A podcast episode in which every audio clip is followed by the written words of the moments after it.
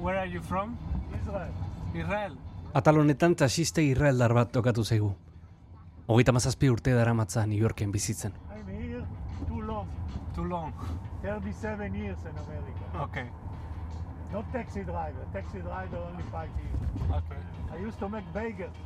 Taxista izan aurretik beigelak saltzen ibiltzen zen Manhattaneko izkina batean. Lanera zijoa zen ejekutiboei. And how is going so far, uh, taxi driving? Berak eramango gaitu zazpigarrena eta hamalaugarrena gurutzatzen diren lekura. Bertan bizi baita barruan gauderen berrogeita maikagarren kapituluko anfitrioia. Welcome to New York. Yeah.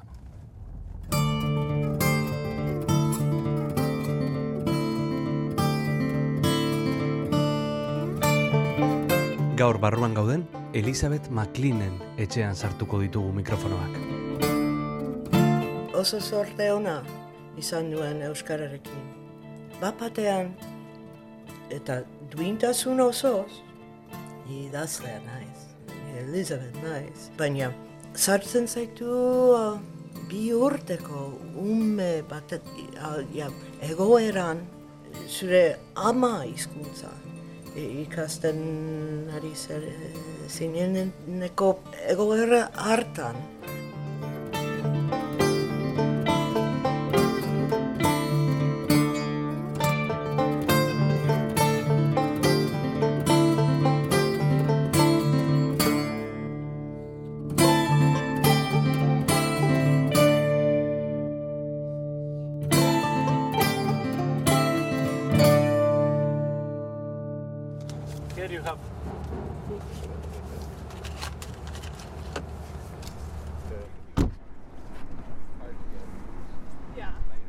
Amalaugarren kaleari beinola Little Spain esaten zitzaion. Bertan zeudelako Espainiar migranten negozio eta taberna gehienak. Orain ordea galdua du nortasun hori. Asko aldatu da, Elizabeth duela berrogeita mar urte, etorri zenetik. Egunon. Zer moduz, Elizabeth? Zer moduz? Ondo. Ondo, xamar? Ni presta etortzen naiz, ja, eh? Prest. ba, horregatik. Bai. Bai, Hau da kopelia. Bai, sartuko Bere etxearen azpian dagoen Kopelia izeneko kafetegian sartu gara, etxera sartu aurreko kafea hartzera.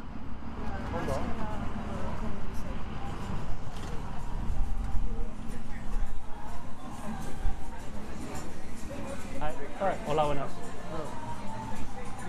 Idazlea, poeta eta itzultzailea izateaz gainera, asmakizun bata, Elizabeth McLean. Inoiz asmatzea lortuko ez duzuna.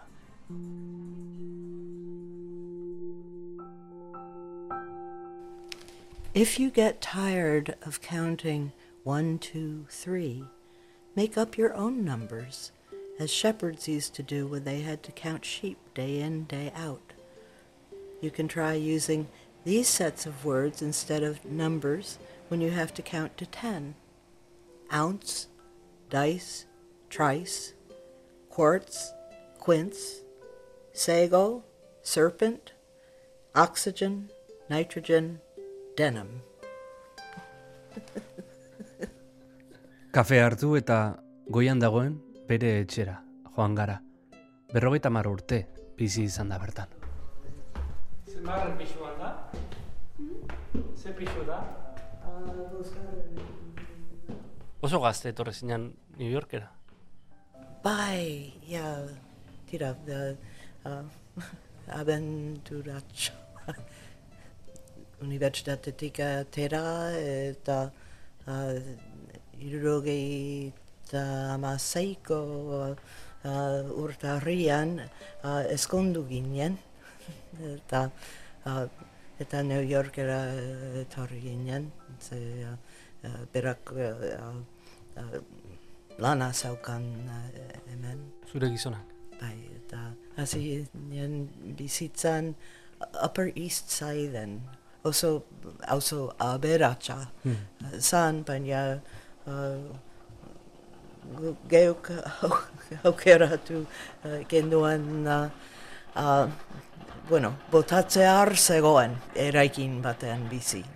Eta lau urtetara uh, uh, banatu ginen, eh, banatu ginen. Eta, eta ni on- ona etorri nintzen. Etxe ontara, Bai. ze urtetan? Uh, Irurogeita ma sortzian.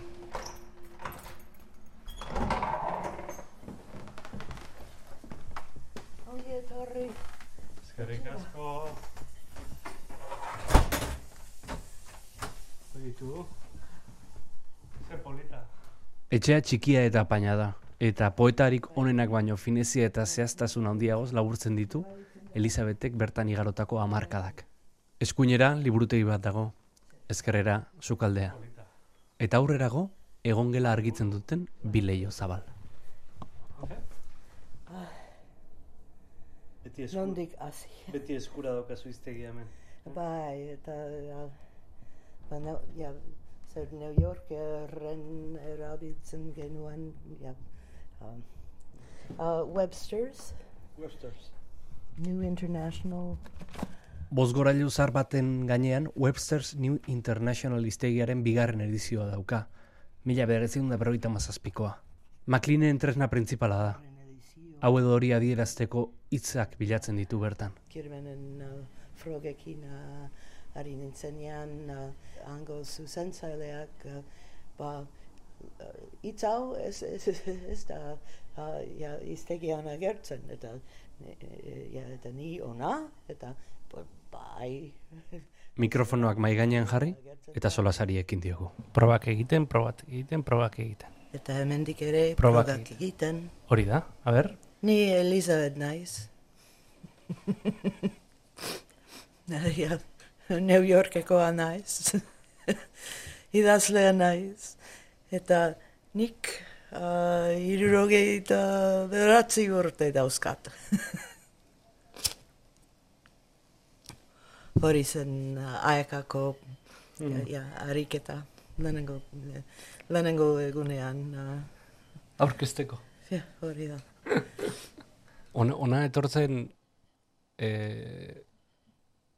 pentsatzen nenbilen, ez, nola ote den posible horren lurra handia bandera bakarraren azpian, egotea, ez? Bandera bakarrarekin. Eta etorri zait burura, claro, e, denak batzen dituen ezaugarria dela etorkinak zaretela danak, ez? hori da bueno, ia denak Ia danak, hori da, hori da. baina bai eta uh, orain bitxia da pentsatzea ze ez dakit zenbat uh, Ukraniar dauden uh, ja, hiri honetan bizitzen eta Errusiar asko baita ere eta uh, ja, baditu uh, denetarik Mm. eta Zure familia nondik etorri zen, Europatik? Ze, Uh, amaren, bueno, uh, amaren aita Kanadatik, ja, haren familia uh, Alemaniatik uh, Kanadara jun ondoren. Uh, uh, amaren ama, uh, bueno, aspaldikoa, e, ingalatarrak Mhm. eta, eta uh, alako zerbait, eta ai- aitaren partez, uh, bere ama uh, Alemaniatik uh, bi urterekin uh, zan Houston, Texasera. Eta haren, haren aita Wood uh, zuen izena, beraz, ja, Galatarra non baitekoa. Nire ama Minnesotakoa zan, Mhm. eta eta depresio handian uh, uh, Kaliforniara juntzan uh, lan bila uh, eta bertan ezagutu zuen aita eta, eta ibe, bueno, esaten dute uh, nola, nola zuli ja, IBM uh, I've been moved uh, ja, esan nahi du, bai, bai, bueno, mugitu nautela, eh, eta, uh, edo mugiarazi. Hudson ibai ondoan dagoen Poughkeepsie herrira mugitu ziren Elizabeten gurasoak, eta orduan txe jaio zen, bera. Uh, jotzen ibai ondokoa da pokipsi, industriala izan zen garai batean, eta, eta bertan bizi izan zen uh, uh, IBM-aren sortzailea. eta ekarri zuen uh, nire aita Kaliforniatik, eh, beste a- asko, mm, ja, e- edo zein lekutatik, eta, eta aldatu zen uh, irria erabat, uh, republikarra zen, eta ja, amar urteren bu- buruan demokrata bihurtu zen.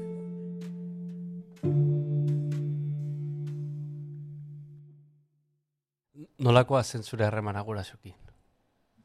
Uh, amarekin oso gertu uh, sentitu nintzen uh, beti. Ja, aitarekin ibili nintzen borrokan, uh, uh, ja, hogeita mar urte izan arte. Hmm. Eta ja, pakean gelditu ginen. Zergatik borroka? Alemania dalako.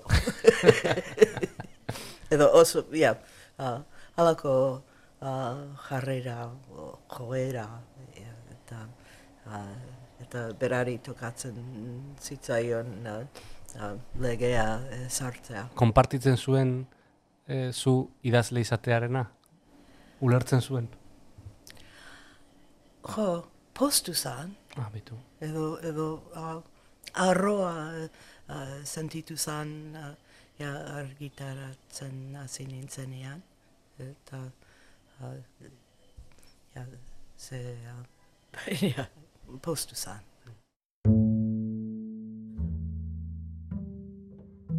New Yorkeko emakume bat, New Yorken bizi dena eta euskaraz hitz egiten duena. Nola izan da hori posible? Nola iritsi zara euskararen mundura? Nola sartu zinen euskararen mundura? Ja, Madrildik. ja, unibertsitatean nengoen, nean, ja, ikastu urte geneukan uh, Madrilen, Filologia hispaniarra, eh? halako zerbait. Bai. para extranjeros. eta, bueno, eta uh, bertan bizi ginen uh, iparraldean, uh, duzu upstate. Eta gure unibertsitatea Kanadatik uh, hogei milatara Mhm. uh, zegoen. Oso berezia da upstate, uh, edo upstateko ura Mhm. eta bost ginen Madrilgo na, pisu batean, ja, Valle Hermoso kalean, la Asociación de Vecinos, ja, eh, ze- zer pentsatuko, eh, zuen uh, geuri, geuri buruz auskaldo, baina uh, nire gelakidea uh, bilboltar batekin hasi uh, ateratzen. Eta bera e, bizi zen donostiar batekin, San Jeronimo kalean, e, eta bi haiek adoptatu gintuzten. Ikasten hasi nintzenean edo pentsatzen hasi, ja, nire lehenengo iztegia uh, erosi nuenean, ohartu nintzen, bueno, ez hitza, bai hitza, eskarrik asko, eta uh, beste gauzatxo batzuk uh, irakatsi zizkiguten, eta agian kanturen bat, Mhm. eta gogoan, dauka, da, kontuz, kantu hau ez kantatu Madrilgo metron, ze uh, uh, gauza txarrak eta uh, daitezke, la. Madrilgo Unibertsitate garaietan ezagutu zuen lehenengo euskara Elizabeth McLeanek. Franco bizirik zela, mila bederatzireun eta irurogeita mabian. udaberri hartan sekulako eskanbioak uh, uh, zeuden uh, unibertsitateko mm, paraninfoan, eta uh, gure uh, irakasle baten uh, senarra efen egiten zuen lan. uh, kasetari lez eta, eta kontatu zigun egunkarietan uh, agertu ezin zen gauza dena. Zentsura. Bai, eta, eta kontakizunak ja, ezin, ezin ziren argitaratu, baina bazakiten zer gertatzen zen. Hmm. E, eta, eta hizkuntz baten debeka era oso fuertea iruditu zitzaidan. Imaginezina. Sortu z- zidan uh, jakin mina, eta gero ja, lan, lan egitera jun behar izan nintzen, kasetari aiai esker saiatu nintzen uh, ka, kaseta gintzan, uh, bila, Mhm. eta, ah, ja, New York erran, Mhm. eta, Horti datorkizu ere, pixkat, ez? bai,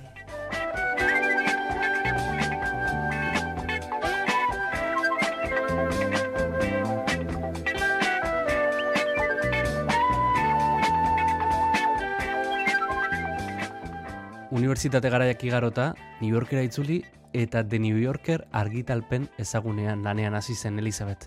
Hogeita mar urtez jardungo zuen bertan lanean. botatzear zegoen uh, eraikin hartan bizi ginenean.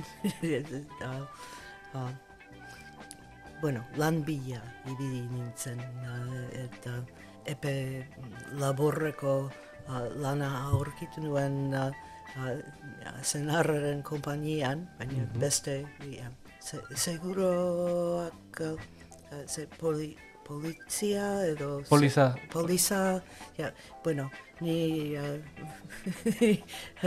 uh, nengoen lanean uh, poliza uh, grabat, grapatzaile Ah, bai. arena egiten. Ah, bai. Ja, eh, aseguru polizak grabatzen. Gra, gra, uh, ja, grapatzen. Ah, grapatzen, grapatzen. Ja.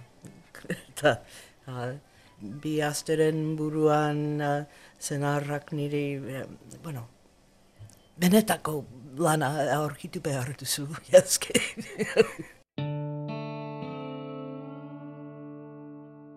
iragarki bat uh, egunkarian ikusita eta eta esa- esan zidaten bada, badago uh, e, irekia bat uh, New Yorkerren eta ez zitzaidan okurritu ere ja, ja, ara joatea Hmm. baina hun nintzen eta elkarrizketa bat neukan ja, idazmakinaren uh, bulego, Mhm.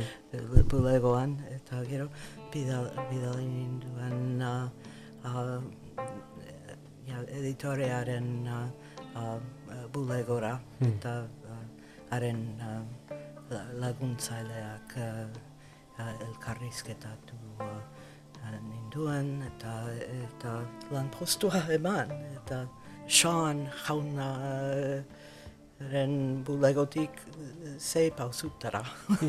Eta, eta, eta ja, kontratatu ninduen uh, emakumea uh, Mary Painter uh, zuen izena eta pues idaz makinen uh, uh, bulegoan uh, zeuden uh, uh, ja, denak uh, beldur ziren uh, Mary Painter rekiko. Zergatik? Zehaztasuna, edo, ja, Zorrotza zan. So, bai, zorrotza, uh, baina gero oso xamurra. Uh, gauza asko, bulego hartan, askar ziuazen. Mhm. Uh, eta, uh, eta bizpairu uh, gauza, uh, gauza zeu, zeuden momentu batean, eta esan nion mariri, uh, ja, lasaitasun handiz, mesedez itxaron apurtx baten, eh, eta orain txenoa. E, eta uh, gero esan zidan uh, uh, uh, estimatu uh, uh, zidala uh, ja, Zintzotasunak. eh. edo zintzotatzuna, baina azarre eza. eta, Primary painter. ja, mm, bai. Mm. Eta, ah, eta uh, berari esker uh, aurkitu nuen uh, Bilboko uh, etxea. Ah,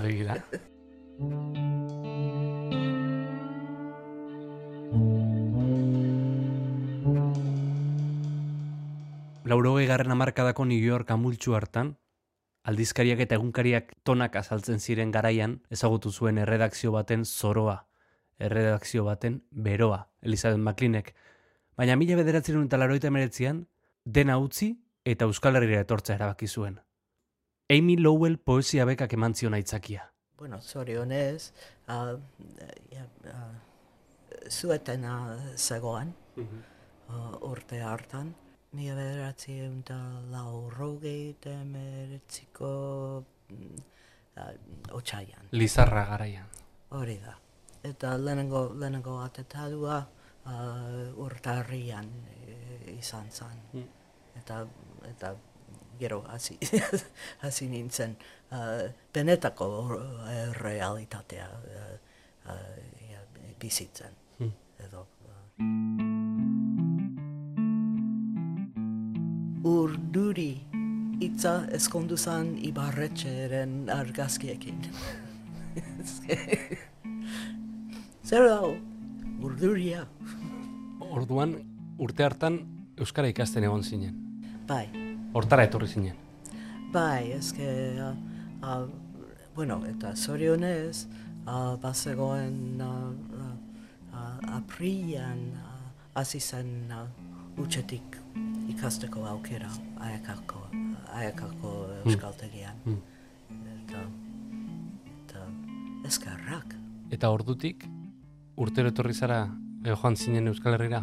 Bai, urtean bitan, Mm. eta uh, uh, ja, otxaian egoten uh, nintzen santurtziko euskaltegian, nire interneteko euskaltegian.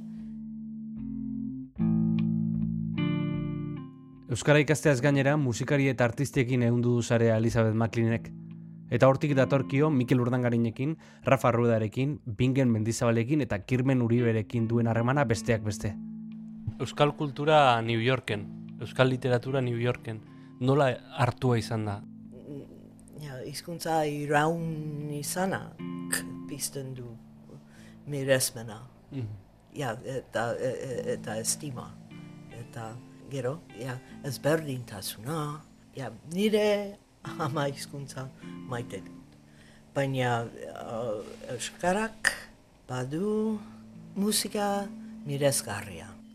Egoak ebaki banizkion, nirea izango zan, ez zuen alde egingo. Baina honela, etzen gehiago txoria izango. Baina honela, etzen gehiago txoria izango. Eta nik txoria nuen maite. Eta nik txoria nuen maite. Oso pertsona garrantzitsua uh, zan niretzat uh, Alistair Reed izeneko poeta itzultzailea. Nerudaren itzultzailea, Borgesena, eta e, baina idazlea, eta Zure laguna. Bai, eta, uh, eta beretzat, ez zegoen uh, ja, kontra esanik uh, izkuntzarekin lan egitea uh, gauza bakar bat zan. Ja, eta naiz eta faceta asko eduki, horrexegatik uh, ja, e, itzultzea ere idazte, idaztea da. Mm. Eta badago sensazio bat uh, itz egokiaren bila zabiltzala ja, lasaitu e, e- egiten zara uh, eta, bueno, behitu ea, zer dagoen eta Iztegia zabaldu, hori da eta zigarroa piztu. baita Nola bilatzen dira hitz egokiak idazle batek esandakoa beste hizkuntza batera ekartzeko? tekstua inguruaren arabera. Ja, se Alastairrek, uh, ja, bene esan zidan, uh, inoiz ez itzuli uh, itzak baizik eta esaldia. Eta esaldia paragrafoaren barruan, ja, ze uh, doinua ere badago, Hmm. eta juntzaitez uh, gutun zuriaren webgunera, eta uh, uh, antxe izango duzu nire kapsula. Zertan bereizten da gaurko Elizabeth eh, Elizabeth gazte eta abentura zale hartatik. Ze, suposatzen dut hor goitik diferente ikusiko duzula dana, ez? Ja, ba, ez, ez dakit dakizun ala ez, baina pertsona bera gara bizipen geagorekin, ikaspen geagorekin, uh, Liburu gehiago. baita. Bilbon bizi nintzen urte hartatik, uh, bueltatu nintzenean, uh, Alistairrekin geratu nintzen uh, bazkaltzeko, e- eta, eta nik berari, jo, nola egin behar dut uh, ara ja, bizitzera uh, ja, bueltatu alizateko. Eta berak niri, lana bizi, ja, bota, ja, liburu denak.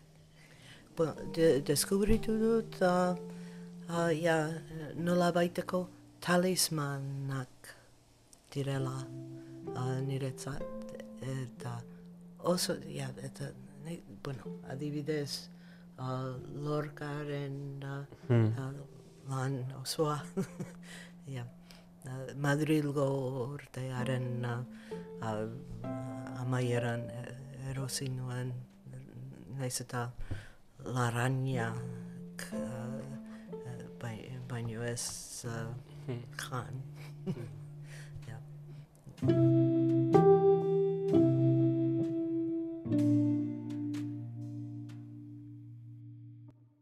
Z- Zer diozu beldurra, Elizabeth?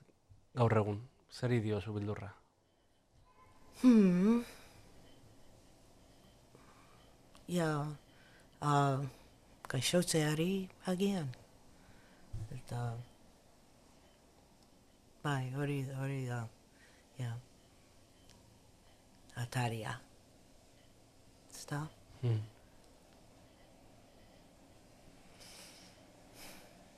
Hmm.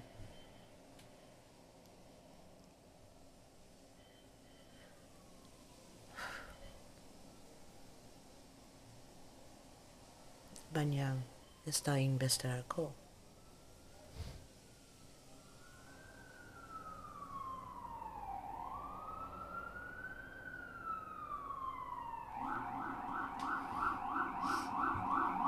Ambulantzia. Bai. Momentu aproposean. etorri da. Jo.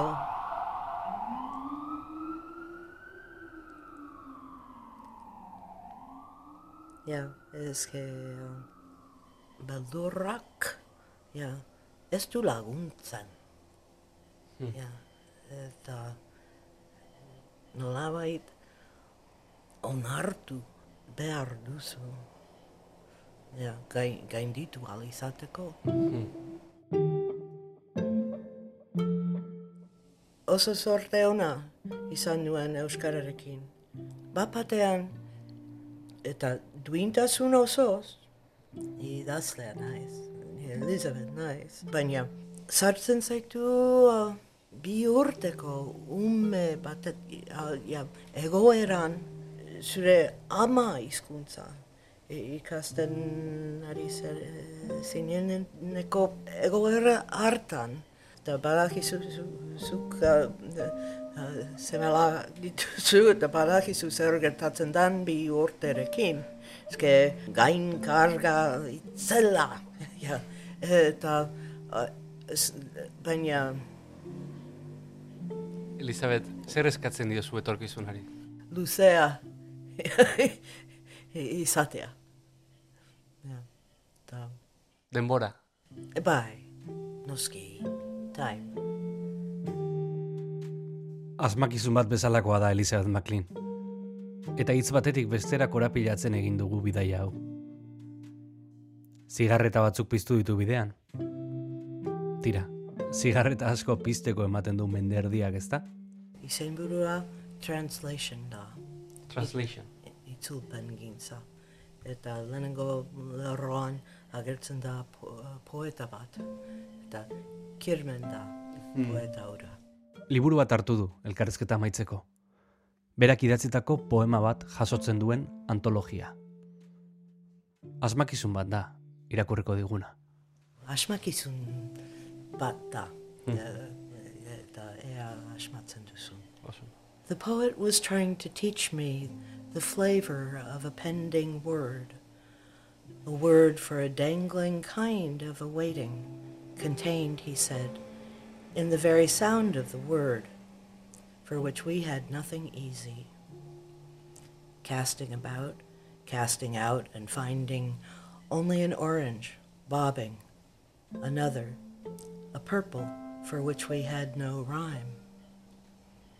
This kind was not impatient, no southern biding, a slow fast toward food, wasted no time. And so I had to find another way of conveying a long, long moment of waiting, alert to catch a slight sign, any day, the whole length of our wait. Du so.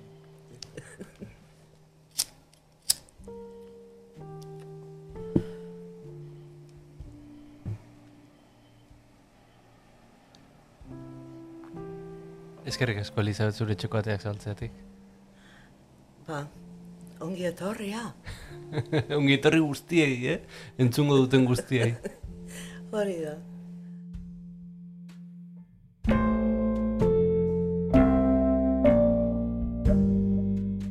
Elizabeth McLeanen etxea utzi eta datorren astera arte agurtu bertzaitu entzule. Eskertuta lehenengo bestaldean egotea. Eta gomendatuz, barruan gaude jarraitzeko sare sozialetan eta audio plataformetan. Urrengo astean, beste norbaiten etxean sartuko ditugu mikrofonoak. Bezarkada bat eta datorren astera arte.